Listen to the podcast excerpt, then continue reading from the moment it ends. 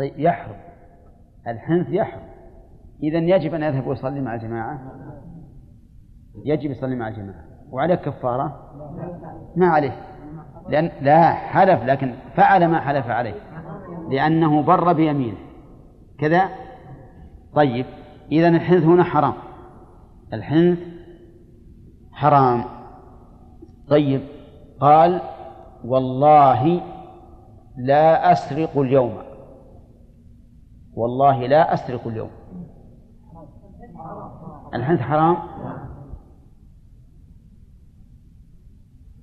لو هم أن يسرق. وقال بسرق. يقول حرام عليك؟ حرام. صحيح. هي فلو سرق لو سرق لزمته الكفارة مع الإثم. طيب. ومع قطع اليد إن تمت الشروط. طيب المكروه؟ نعم. المكروه. وش يحلف على إيش؟ على ترك المكروه ولا على فعل المكروه؟ لا على ترك المكروه. على ترك المكروه. مثل قال والله لا ألتفت برأسي في صلاتي. والله لا ألتفت برأسي في صلاتي. التفت بالرأس في الصلاة مكروه. نقول هنا الحنث. ما هو الحنث؟ في هذه المسألة؟ أن يلتفت. هذا الحنث يقول هذا مكروه. طيب. والله لا آكل البصل. إيه؟ ها؟ لا أسأل لا هو الآن الآن بيصلي الجماعة هو. الساعة الحين الساعة باقي على الأذان ثلث ساعة مثلا. اصبر اصبر يا أخي. اصبر قال والله لا لا آكل البصل. وش حكم الحنث؟ الحنث مكروه. نعم لأن يقول اصبر حتى تصلي. فإن أكل فإن أكل لئلا يصلي صار صار حراما. طيب.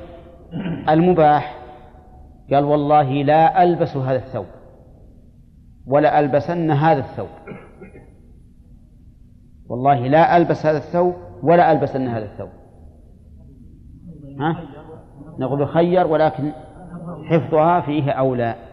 حفظها فيه أولى. طيب فإن قال قال له والده يا بني اتق الله لا تلبس ثوبا ينزل عن الكعبين. فقال والله لألبسن ثوبا يضرب إلى الأرض. الحنث واجب؟ إيه صح. الحنث واجب لأنه بحنثه يترك المحرم. طيب والعكس بالعكس. لو كان والده لأن بعض الناس الآن يعتبون على أولادهم إذا رفعوا أو ثيابهم فوق الكعبين. يقول لازم تنزل تحت الكعبين. وإلا فأنا أهجرك. موجود هذا. ما هو شيء مفروض. هذا موجود. طيب يا والله لا ألبس ثوبا نازلا عن الكعبين. وش حكم الحنث؟ يا سبحان الله. والله لا ألبس. لا ألبس. لو لبس يحرم الحنث. يحرم الحنث لأنه إن حنث وقع في في المحرم. طيب. آه، زيد الدليل فهمناه من من من السنة من إلزام الرسول عليه الصلاة والسلام أن يفعل ما هو خير إذا حلف على يمين فرأى غيرها خيرا منه. ومن قوله أيضا لعبد الرحمن بن سمرة إذا حلفت على يمين فرأيت غيرها خيرا منها فكفر عن يمينك وأت الذي هو خير. قال المؤلف ها؟ أي نعم. لأن الخير ضده غير الخير. يؤخذ من هذا. أي نعم. ما يحرم لأن الأصل لأن الأصل الإباحة في في الحنث وهذا بيفعل مكروه. غاية ما هنالك إذا حنث أن يفعل مكروها. فقط. نعم. كل إحنا ذكرنا التقسيم الآن. قلنا الخير إما واجب ولا تطوع. وعدم الخير إما حرام وإما مكروه. وما تساوى الأمران فهو المباح. طيب. بقينا في إبرار القسم. إبرار القسم غير الحنث لأن الحنث واقع من من المقسم من الحالف لكن تحنيث الغير تحنيث الغير. بمعنى أن يحلف علي شخص فهل الأفضل أن أبر بيمينه؟ أو ما أم ماذا؟ نقول الأفضل أن تبر بيمينه. بل قد قال النبي عليه الصلاة والسلام من هذا من حق المسلم على المسلم. إبرار المقسم. فإذا حلف عليك أخوك فإن من حقه عليك أن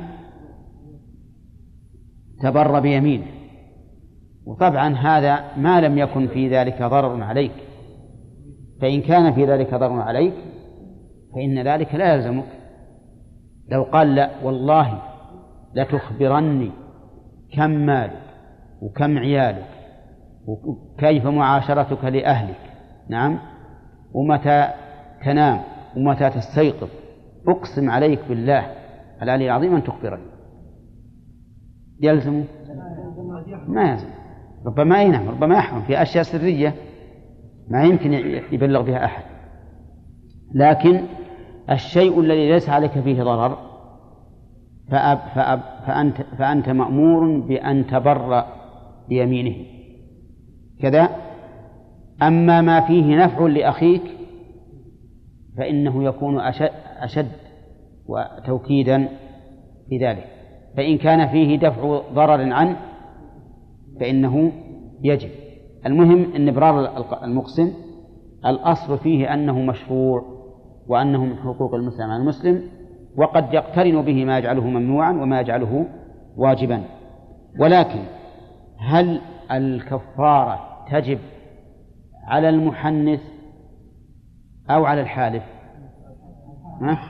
على الحالف. يعني لو أنك قطعت يمين الحالف ولم تبر به فالحنث فالكفارة عليه لأنه هو الحالف والكفارة تتعلق بمن؟ بالحالف. فلو قال الحالف أنت اللي قطعت يمين وتسببت وجوب الكفارة علي فعليك فعليك الكفارة. لأن المتسبب كالمباشر عندنا قاعدة مرت علينا في في القصاص.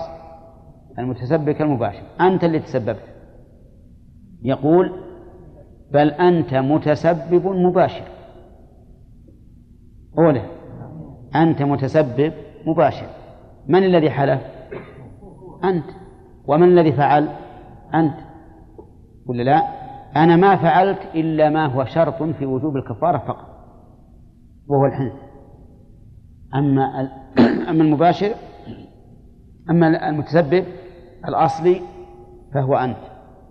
صحيح أنه أنا الذي بشرت الحنث وفعلت ما حلفت على على أن لا أفعل. لكن هذه المباشرة مبنية على سبب هو في الحقيقة مباشرة لأن الحالف هو الذي تسبب في إيجاب الكفارة على نفسه. طيب. نأخذ درس. قال ومن حرم حلالا سوى زوجته من أمة أو طعام أو لباس أو غيره لم تحرم لم يحرم. نعم. وتلزمه كفارة يمين إن فعله. نعم. من حرم من هذه اسم شرط جازم؟ فعل الشرط فيها حرم. وجوابه لم يحرم. المحرم لما أحل الله. نعم. ينقسم إلى عدة أقسام. أن يكون منشئا وأن يكون مخبرا وأن يكون ممتنعا. ثلاثة أقسام. أن يكون منشئا ومخبرا وممتنعا. أما إذا كان منشئا فهذا قد يكفر. إذا قال إن هذا الشيء الذي حرمه الله أنا أقول إنه حلال ولا أوافق على أنه حرام. نعم فهذا قد يكفر. متى يكفر؟ إذا استباح ما حرم في الدين بالضرورة مثل لو استباح الخمر. الخمر أو الزنا أو السرقة أو ما أشبه ذلك. فهو الزنا حلال. نعم. أو كما يذكر عن المعري في الخمر. يقول لئن حرمت يوما على دين أحمد فقد فخذها فخذها على دين المسيح ابن مريم. أعوذ بالله. فهذا يكون كافرا. وإن حرم ما لم يجمع على على تحريمه فهذا إن كان باجتهاد فله حكم المجتهدين وإن كان بعناد فهو على خطر. هذا من؟ من هذا؟ حكم من؟ يعني قلنا ثلاث أقسام. المنشئ المنشئ للتحريم. المخبر للتحريم هذا إما صادق وإما كاذب فقط. إما صادق وإما كاذب فقط. مثل لو قال إن الله حرم هذا. هو يقول يقول أنا أنا أحرمه وأنشئ تحريمه. قال هذا حرام يعني يخبر أن الله حرمه. فهذا إما أن نقول أنه صادق أو كاذب ولا لا؟ ننظر إن كان الله قد حرمه ها؟ فقوله صادق وإن كان الله لم يحرمه قلنا كذبت. ولهذا يروى عن ابن عباس رضي الله عنهما أن من قال لزوجته أنت علي حرام فقل له كذبت. فقل له كذبت. وهذا محمول على إيش؟ على أنه مخبر. يقول هذا ما هو صحيح ما هي حرام. الله محله لك. عرفتم هذا؟ طيب. الثالث القسم الثالث أن أن يقول أن أن يحرم الشيء مانعا نفسه منه أو ممتنعا منه. معنيين واحد. اللفظان واحد. إذن منشئا ومخبرا وممتنعا. يعني قصد الامتناع فقط. هذا الأخير هو الذي يريده المؤلف رحمه الله في هذا الكلام. هو الذي يريده المؤلف في هذا الكلام. عرفتم؟ طيب. إذا حرم الإنسان شيئا حلالا بهذا القصد أي بقصد إيش؟ الامتناع. فهل يحرم؟ لا ما يحرم. لو قال حرام علي إني آكل طعامك. حرام علي أن آكل طعامك. نقول الآن الطعام حلال لك ما حرم ولا لا؟ هذا وش قصده؟ قصده أن يمتنع من أكله. أن يمتنع من أكله. والحرام ممنوع. نقول هذا لا يحرم ولكن عليه كفارة يمين إن فعله. انتبه يا عبد الله. جماعة يبي يذن ما في شيء. طيب. هذا ليس عليه لا يحرم. فإن فعله فعليه كفارة يمين. الدليل قول الله تعالى يا أيها النبي لما تحرم ما أحل الله لك تبتغي مرضات أزواجك؟ والله غفور رحيم. قد فرض الله لكم تحلة أيمانكم. يكفر عنه قبل الحنث يعني يكفر عنه قبل الحنث وسمي تحلة لأن الإنسان تحلل منه حين كفر. فأنا مثلا قبل أن أكفر ما لا يحل لي أن أفعله إلا إذا أديت الكفارة بعد أن أحنث. أما الآن فلما أديت الكفارة انحل اليمين. صار ما فيه يمين إطلاقا. ولهذا نقول أداء الكفارة قبل الحنث تحلة وبعد الحنث كفارة. عرفتم؟ أداء الكفارة قبل الحنث تحلة وبعده كفارة. طيب. آه هذا رجل قال حرام علي تحريمه العسل الذي نزل من أجله يا أيها النبي لم تحرم ما أحل الله لك؟ وقصته مشهورة عند تفسير هذه الآية في, في ابن كثير وغيره أنه حرم على نفسه العسل قال لن أعود إلى شرب العسل. فقال الله له لما تحرم؟ ما أحل الله لك لتبتغي مرضات أزواجك طيب. قال المؤلف سوى زوجته. سوى هذه أداة استثناء. يعني من حرم حلالا سوى الزوجة. الزوجة حلال للإنسان ولا لا؟ حلال. لقوله تعالى وحلائل أبنائكم أي نساؤهم. فالزوجة حلال بلا شك. يقول المؤلف إن الزوجة ليس ليست كحكم غيرها. ماذا يكون الحكم؟ تحريم الزوجة ظهار. المشهور من المذهب. ظهار. والظهار أغلظ من غيره. الظهار أغلظ من غيره. كيف ذلك؟ لأن الظهار أولا وصفه الله تعالى بأنه منكر من القول وبأنه زور. منكر لأنه حرام زور لأنه كذب. وكيفية الظهار؟ أن يقول الرجل لزوجته أنت علي كظهر أمي. هذا الظهار. وكانوا في الجاهلية يجعلون الظهار طلاقا بائنا كالطلاق الثلاث. فبين الله سبحانه وتعالى أن هذا الحكم حكم باطل وجعل على المظاهر الكفارة المغلظة وهي عتق رقبة فإن لم يجد فصيام شهرين متتابعين فإن لم يستطع فإطعام ستين مسكينا. طيب هذه كفارة مغلظة ومع ذلك لا يحل له أن يمس زوجته أن يجامعها حتى يكفر. لقوله تعالى من قبل أن يتماسى وقد صرح الله بهذا الشرط في العتق وفي الصيام. وسكت عنه في الإطعام. فاختلف العلماء في الإطعام هل يجوز أن يمس الزوجة المظاهرة منها قبل الإطعام أو لا يجوز حتى يطعم اختلفوا في ذلك على قولين وسبق لنا أن المشهور من مذهب الحنابلة وهو قول أكثر أهل العلم أنه لا يمسها حتى حتى يطعم. نعم طيب. إذا تحريم الزوجة ما حكمه؟ ظهار. حكمه أنه ظهار. عرفت؟ فإذا قال الرجل لزوجته أنت علي حرام.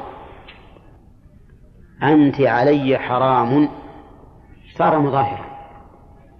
الزوجة لا تحرم لكن لا يجامعها حتى يكفر. طيب وإذا قال إن فعلت كذا فزوجتي علي حرام. ها؟ ففعله صار ظهارا.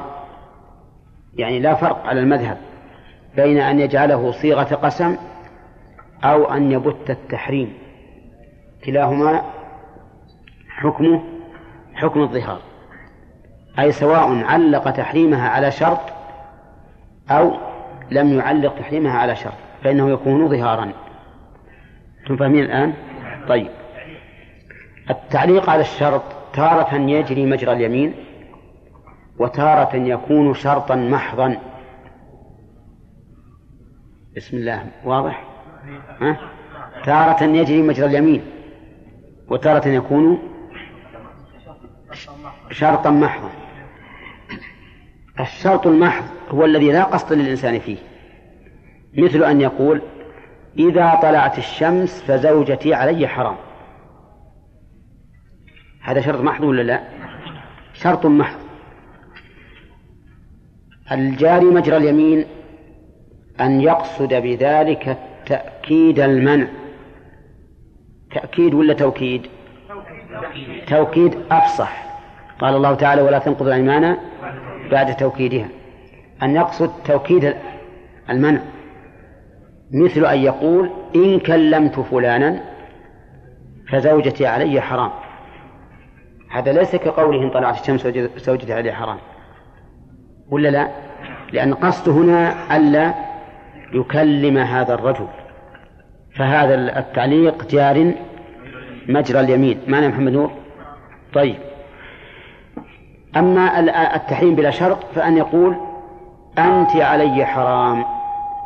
والأقسام الثلاثة كلها على المذهب حكمها حكم الظهار. طيب. هذا هو تقرير المذهب في هذه المسألة. والصحيح أن تحريم الزوجة كغيرها حكمه حكم اليمين. حكمه حكم اليمين. لعموم قوله تعالى يا أيها النبي لم تحرم ما أحل الله لك تبتغي مرضات أزواجك. فإذا قال قائل النبي صلى الله عليه وسلم إنما حرم العسل. فالجواب العبرة بعموم اللفظ لا بخصوص السبب. الله عز وجل ما قال يا أيها النبي لم تحرم العسل؟ قال لم تحرم ما أحل الله لك وما هذه من صيغ العموم فيشمل حتى الزوجة فإذا قال أنت علي حرام يقول لزوجته فهو يمين إذا جامعها وجب عليه كفارة يمين فقط وله أن يفعل الكفارة قبل وتكون تحلة أو بعد وتكون كفارة أعرفتم؟ أي نعم دقيقة يا أخي فصار الإنسان إذا حرم زوجته فهو يمين لعموم الآية التي ذكرناها واضح؟ طيب ويؤيد ذلك قوله تعالى للذين يؤلون من نسائهم تربص أربعة أشهر فإن فاءوا فإن الله غفور رحيم وإن عزموا الطلاق فإن الله سميع عليم. والإيلة في الواقع أن يحلف أن لا يطأ زوجته وهذا في معنى التحريم. ومع ذلك فإن عليه الكفارة. فإن قال أنا أردت بقولي إنها علي حرام أردت الطلاق. أردت الطلاق. قلنا إذا أردت الطلاق فإن هذا اللفظ قابل لهذه النية. قابل لأن المطلقة حرام على زوجها. حتى وإن كانت رجعية فليست كالزوجات. فإذا أردت بهذا اللفظ الصالح للفراق إذا أردت به الطلاق صار طلاقا لقول النبي صلى الله عليه وسلم إنما الأعمال بالنيات وإنما لكل امرئ ما نوى. طيب. إذا قال أردت به الظهار وأردت أنت علي حرام كحرمة أمي. أنا ما لفظت بها لكن هذه نيتي. قلنا هو ظهار لأن اللفظ مطلق والنية قيدته وقد قال النبي عليه الصلاة والسلام إنما الأعمال بالنيات وإنما لكل امرئ ما نوى. فإذا قال أنا قلت أنت علي حرام ولا نويت الطلاق ولا الظهار ولا اليمين. يجعل يمينا. لأن هذا مقتضى اللفظ المطلق. فإذا أطلق كان يمينا. فصار الذي يقول لزوجته أنت علي حرام له أربع حالات. أربع حالات. أن ينوي الظهار أن ينوي الطلاق أن ينوي اليمين أن لا ينوي شيئا. أولا طيب. إذا نوى الظهار.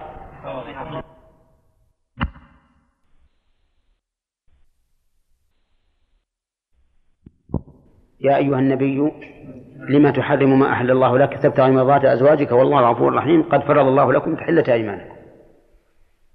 أظن واضح الآن. طيب. إذا قال قائل هل تجرون هذه الأحكام في لفظ الظهار. فتقولون إذا قال الرجل لزوجته أنت أنت علي كظهر أمي فإنه يقع ما نواه من طلاق وظهار ويمين فإن لم ينوي شيئا فظهار؟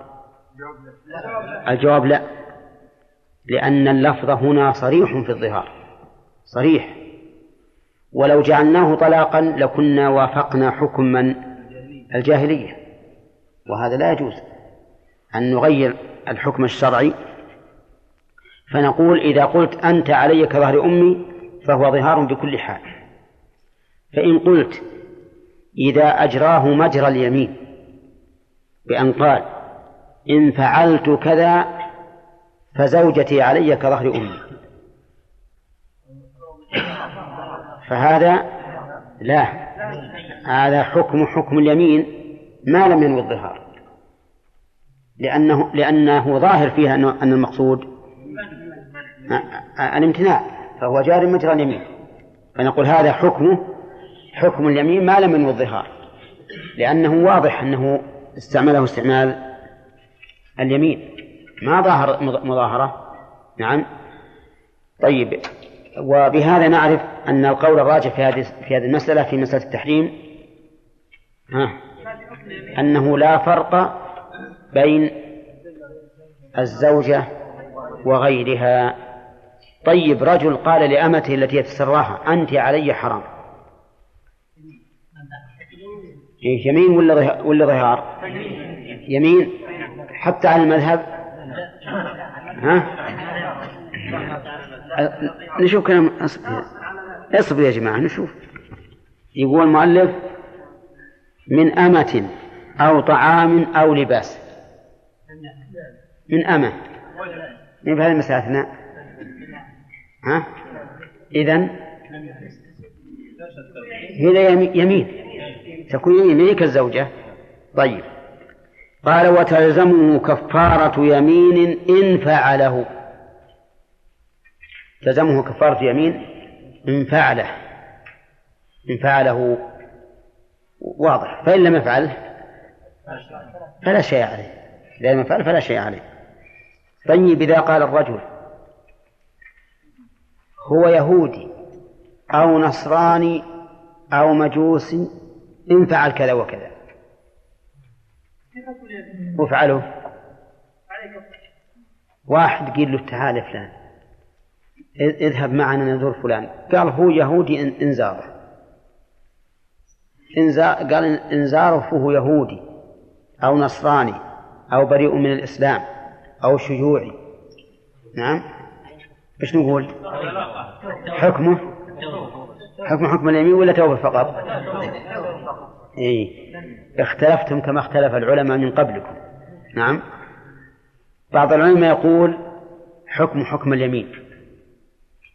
حكمه حكم اليمين. لأن هذه الأمور مكروهة عنده. ولهذا جعل فعل هذا الشيء كراهته له ككراهته أن يكون يهوديا أو نصرانيا أو شيوعيا أو ما أشبه ذلك. وعلى هذا فيكون حكمه حكم التحريم. تحريم المباح. فيلزمه كفارة يمين. وهذا هو المشهور من المذهب وهو مروي عن ابن عمر وغيره من من السلف. وقال بعض العلماء إنه لا كفارة عليه لأن هذا ليس ليس يمينا وليس في معنى ما ورد من اليمين ولكن الصحيح أنه حكم أن حكمه حكم اليمين. أن حكمه حكم اليمين. نعم. ثم قال فصل. ها؟ لا ما تجب لأنه نقول افعلها ولا تفعلها أكفر ما هو ما قصد الدخول في دين اليهودية والنصرانية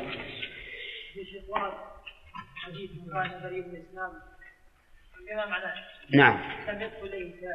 صحيح هذا صحيح. هذا إذا قاله قولا. أما هذا ما قصد هذا القول. قصد الامتناع. فصل في كفارة اليمين. قال يخير من لزمته كفارة يمين إلى آخره. يخير. وش معنى يخير؟ أن يفعل ما يشاء. خير الأمرين. وإذا قيل بالتخيير فهل هو تخيير إرادة وتشهي أو تخيير مصلحة؟ فيه تفصيل. إذا كان المقصود به التيسير على المكلف فهو تيسير تخيير إرادة وتشهي. وإذا كان المقصود به مراعاة مراعاة المصلحة فهو تخيير مصلحة انتبهوا لهذا خير الله عز وجل الحانث في يمينه بين هذه الأمور لماذا؟ للمصلحة ولا للتيسير والتسهيل؟ للتيسير والتسهيل بدليل قوله فمن لم يجد فصيام. فإذا كان للتسهيل والتيسير فأنا أفعل ما هو أيسر وأسهل لي. وقال تعالى في فدية الأذى ففدية من صيام أو صدقة أو نسك. هذا تخيير. مصلحة ولا تشهي؟ تشهي وإرادة. يعني تشتهي أنت افعل. حتى لو كانت المصلحة في ذبح الشاة لا يلزمك ذلك. الأمر موكول إليك إنما جزاء الذين يحاربون الله ورسوله ويسعون في الأرض فسادا أن يقتلوا أو يصلبوا أو تقطع أيديهم وأرجلهم من خلاف أو ينفوا من الأرض. ها؟ تخيير مصلحة. على القول بأن التخيير لأن بعض العلماء يقول الآية في التنويع بعضهم يقول التخيير. لكن على القول بأن التخيير هي تخيير مصلحة. يعني يتبع في ذلك ما هو أصلح. وأردع نعم. طيب. إذا قيل لولي اليتيم أنت بالخيار بين أن تقرض ماله أو تدفعه مضاربة أو تحفظه عندك. فالتخيل هنا مصلحة. الدليل ولا تقربوا مال اليتيم إلا بالتي هي أحسن. واضح؟ طيب القاعدة الآن فهمنا إذا خير الإنسان بين شيئين أو أشياء فإن كان المقصود بالتخيير التيسير فالتخيير تشهي وإرادة. وإذا كان المقصود المصلحة فهو تخيير مصلحة. إذا إذن بناء على القاعدة كل من خير بين شيئين وهو متصرف لغيره فتخييره مصلحة. ما هو تشهي. هنا نعم. قال يخير التخيير معنى من أي الأبواب؟ تشهي نعم. من لزمته كفارة يمين؟ شوف دقة التعبير. من لزمته. ومتى تلزم إذا تمت الشروط السابقة. كم الشروط السابقة؟ ثلاث شروط على كلام المؤلف وحنا زدنا رابعا. طيب. من لزمته كفارة يمين بين إطعام إلى آخره. فرجل قال والله ليقدمن زيد غدا. فلم يقدم؟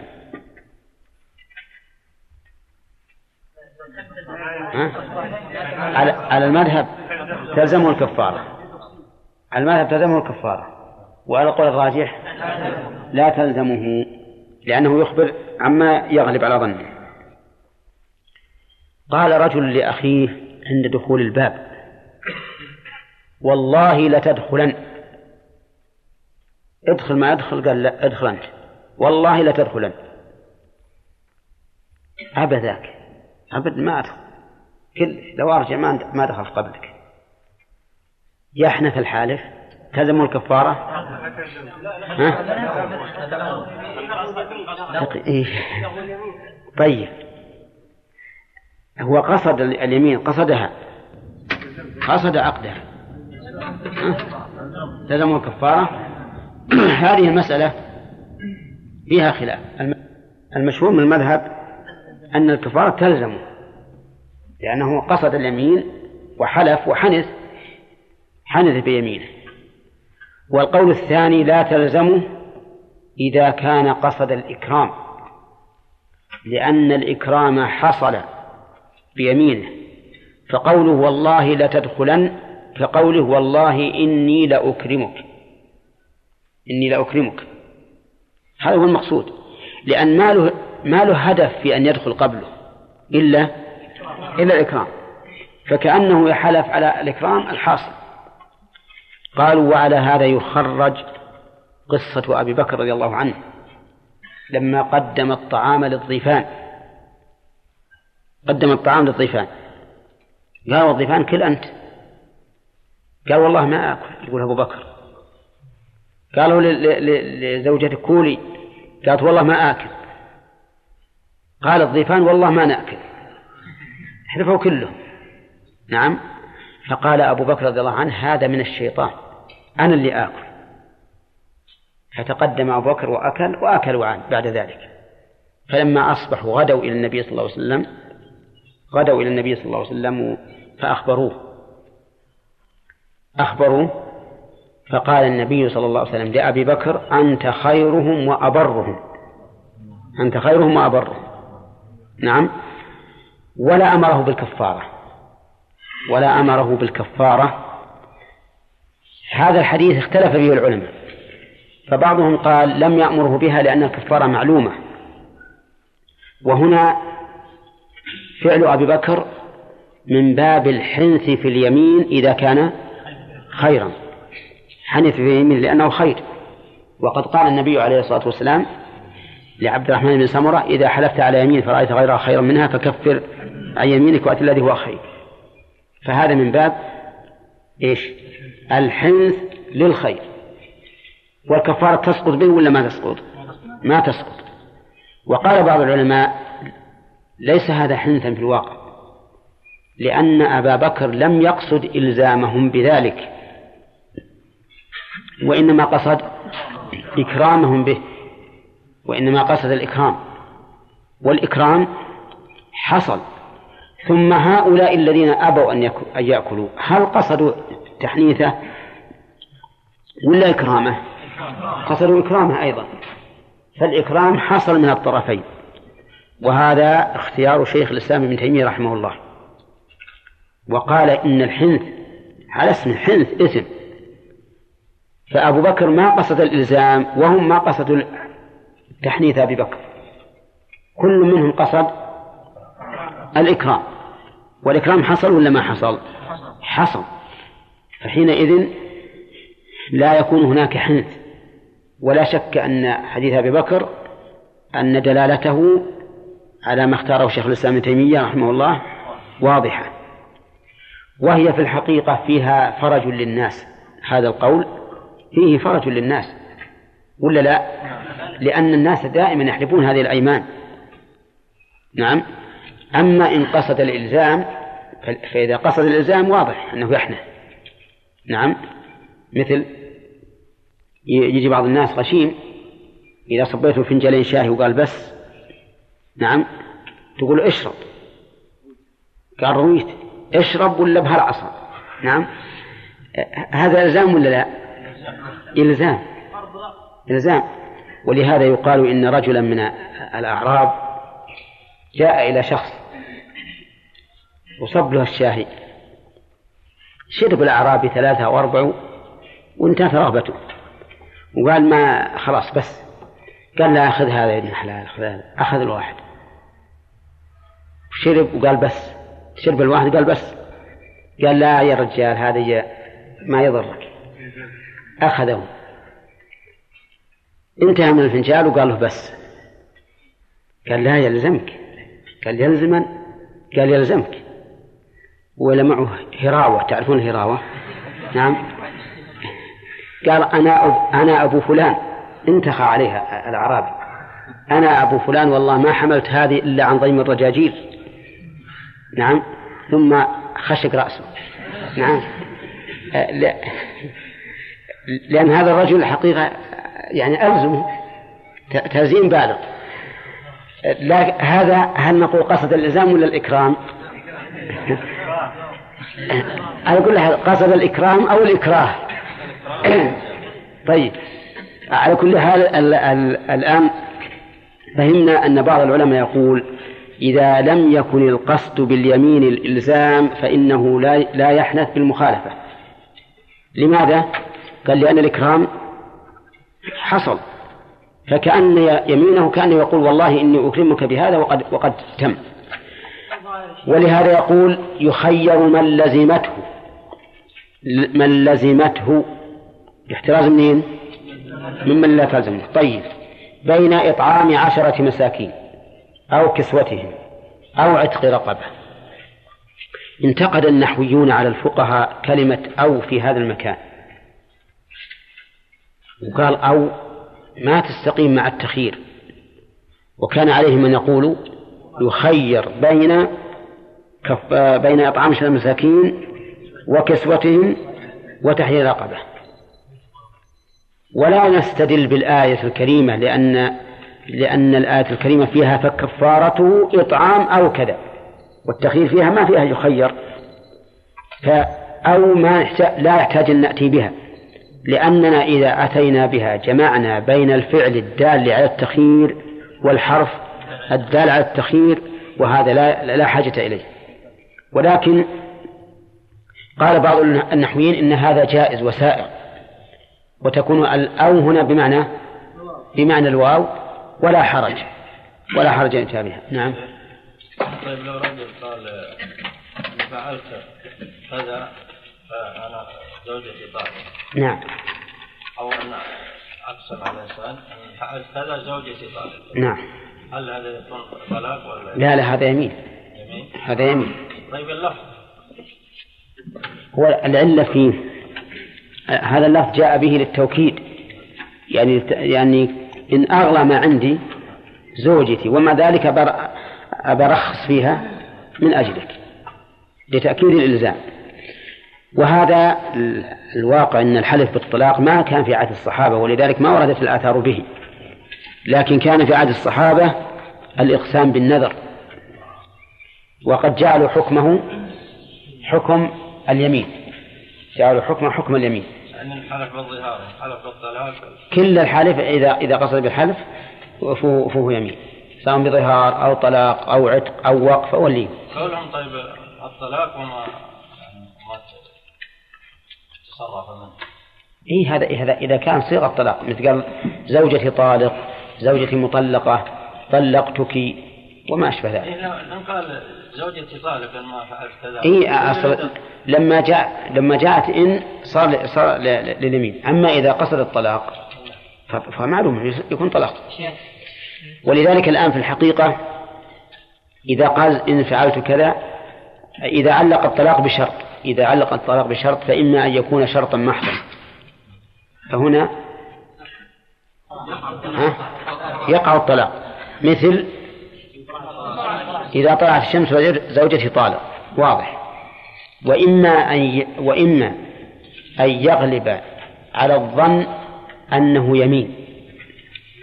مثل أن يحلف بالطلاق على فعل نفسه أو على فعل غيره فهذا ظاهر أن المقصود به اليمين لأن الزوجة ما لا دخل مسكينة. مثل إن فعلت كذا فزوجتي طالق أو إن فعلت أنت كذا فزوجتي طالق. هذا الظاهر فيه إيش؟ اليمين. القسم الثالث أن يكون فيه احتمال مثل أن يحلف على زوجته بالطلاق فيقول إن فعلت أنت كذا فأنت طالق إن فعلت أن كذا فأنت طالق. فهنا يحتمل أنه يريد أنها إذا فعلت هذا الشيء فقد طابت نفسه منها لأنها عصته و و و ولما عصته صارت مكروهة عنده. فهذا يقع الطلاق. ويحتمل إن قصد بذلك أن يهددها ويخوفها لتمتنع. فهذا حكمه حكم اليمين. لكن أيهما أظهر؟ إن كان الشيء الظاهر لي أنا إن كان الشيء كبيرا فالظاهر أنه يريد الطلاق.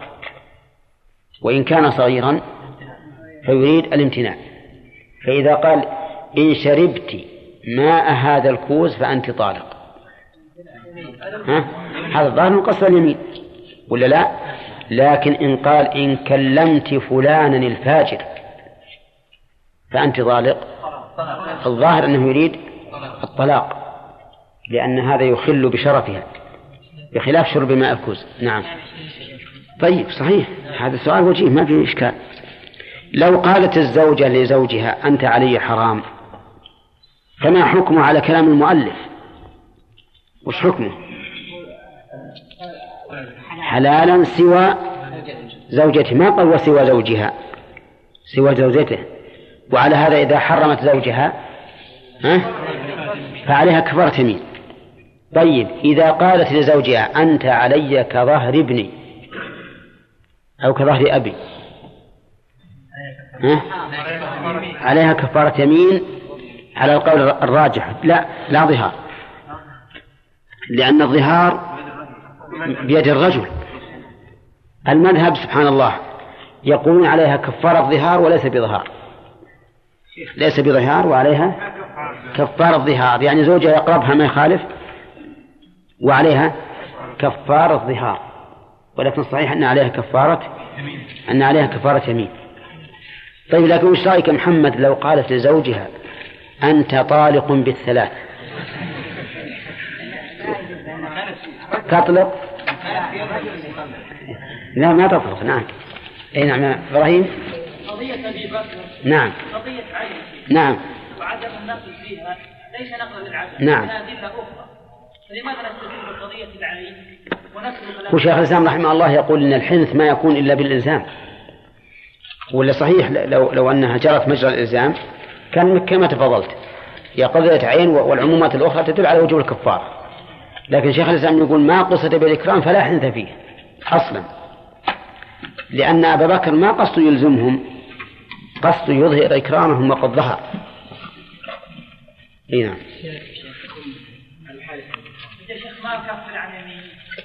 يا نعم والله. على كل حال انظر ما هو أقرب إلى الصواب واعتمده. نعم.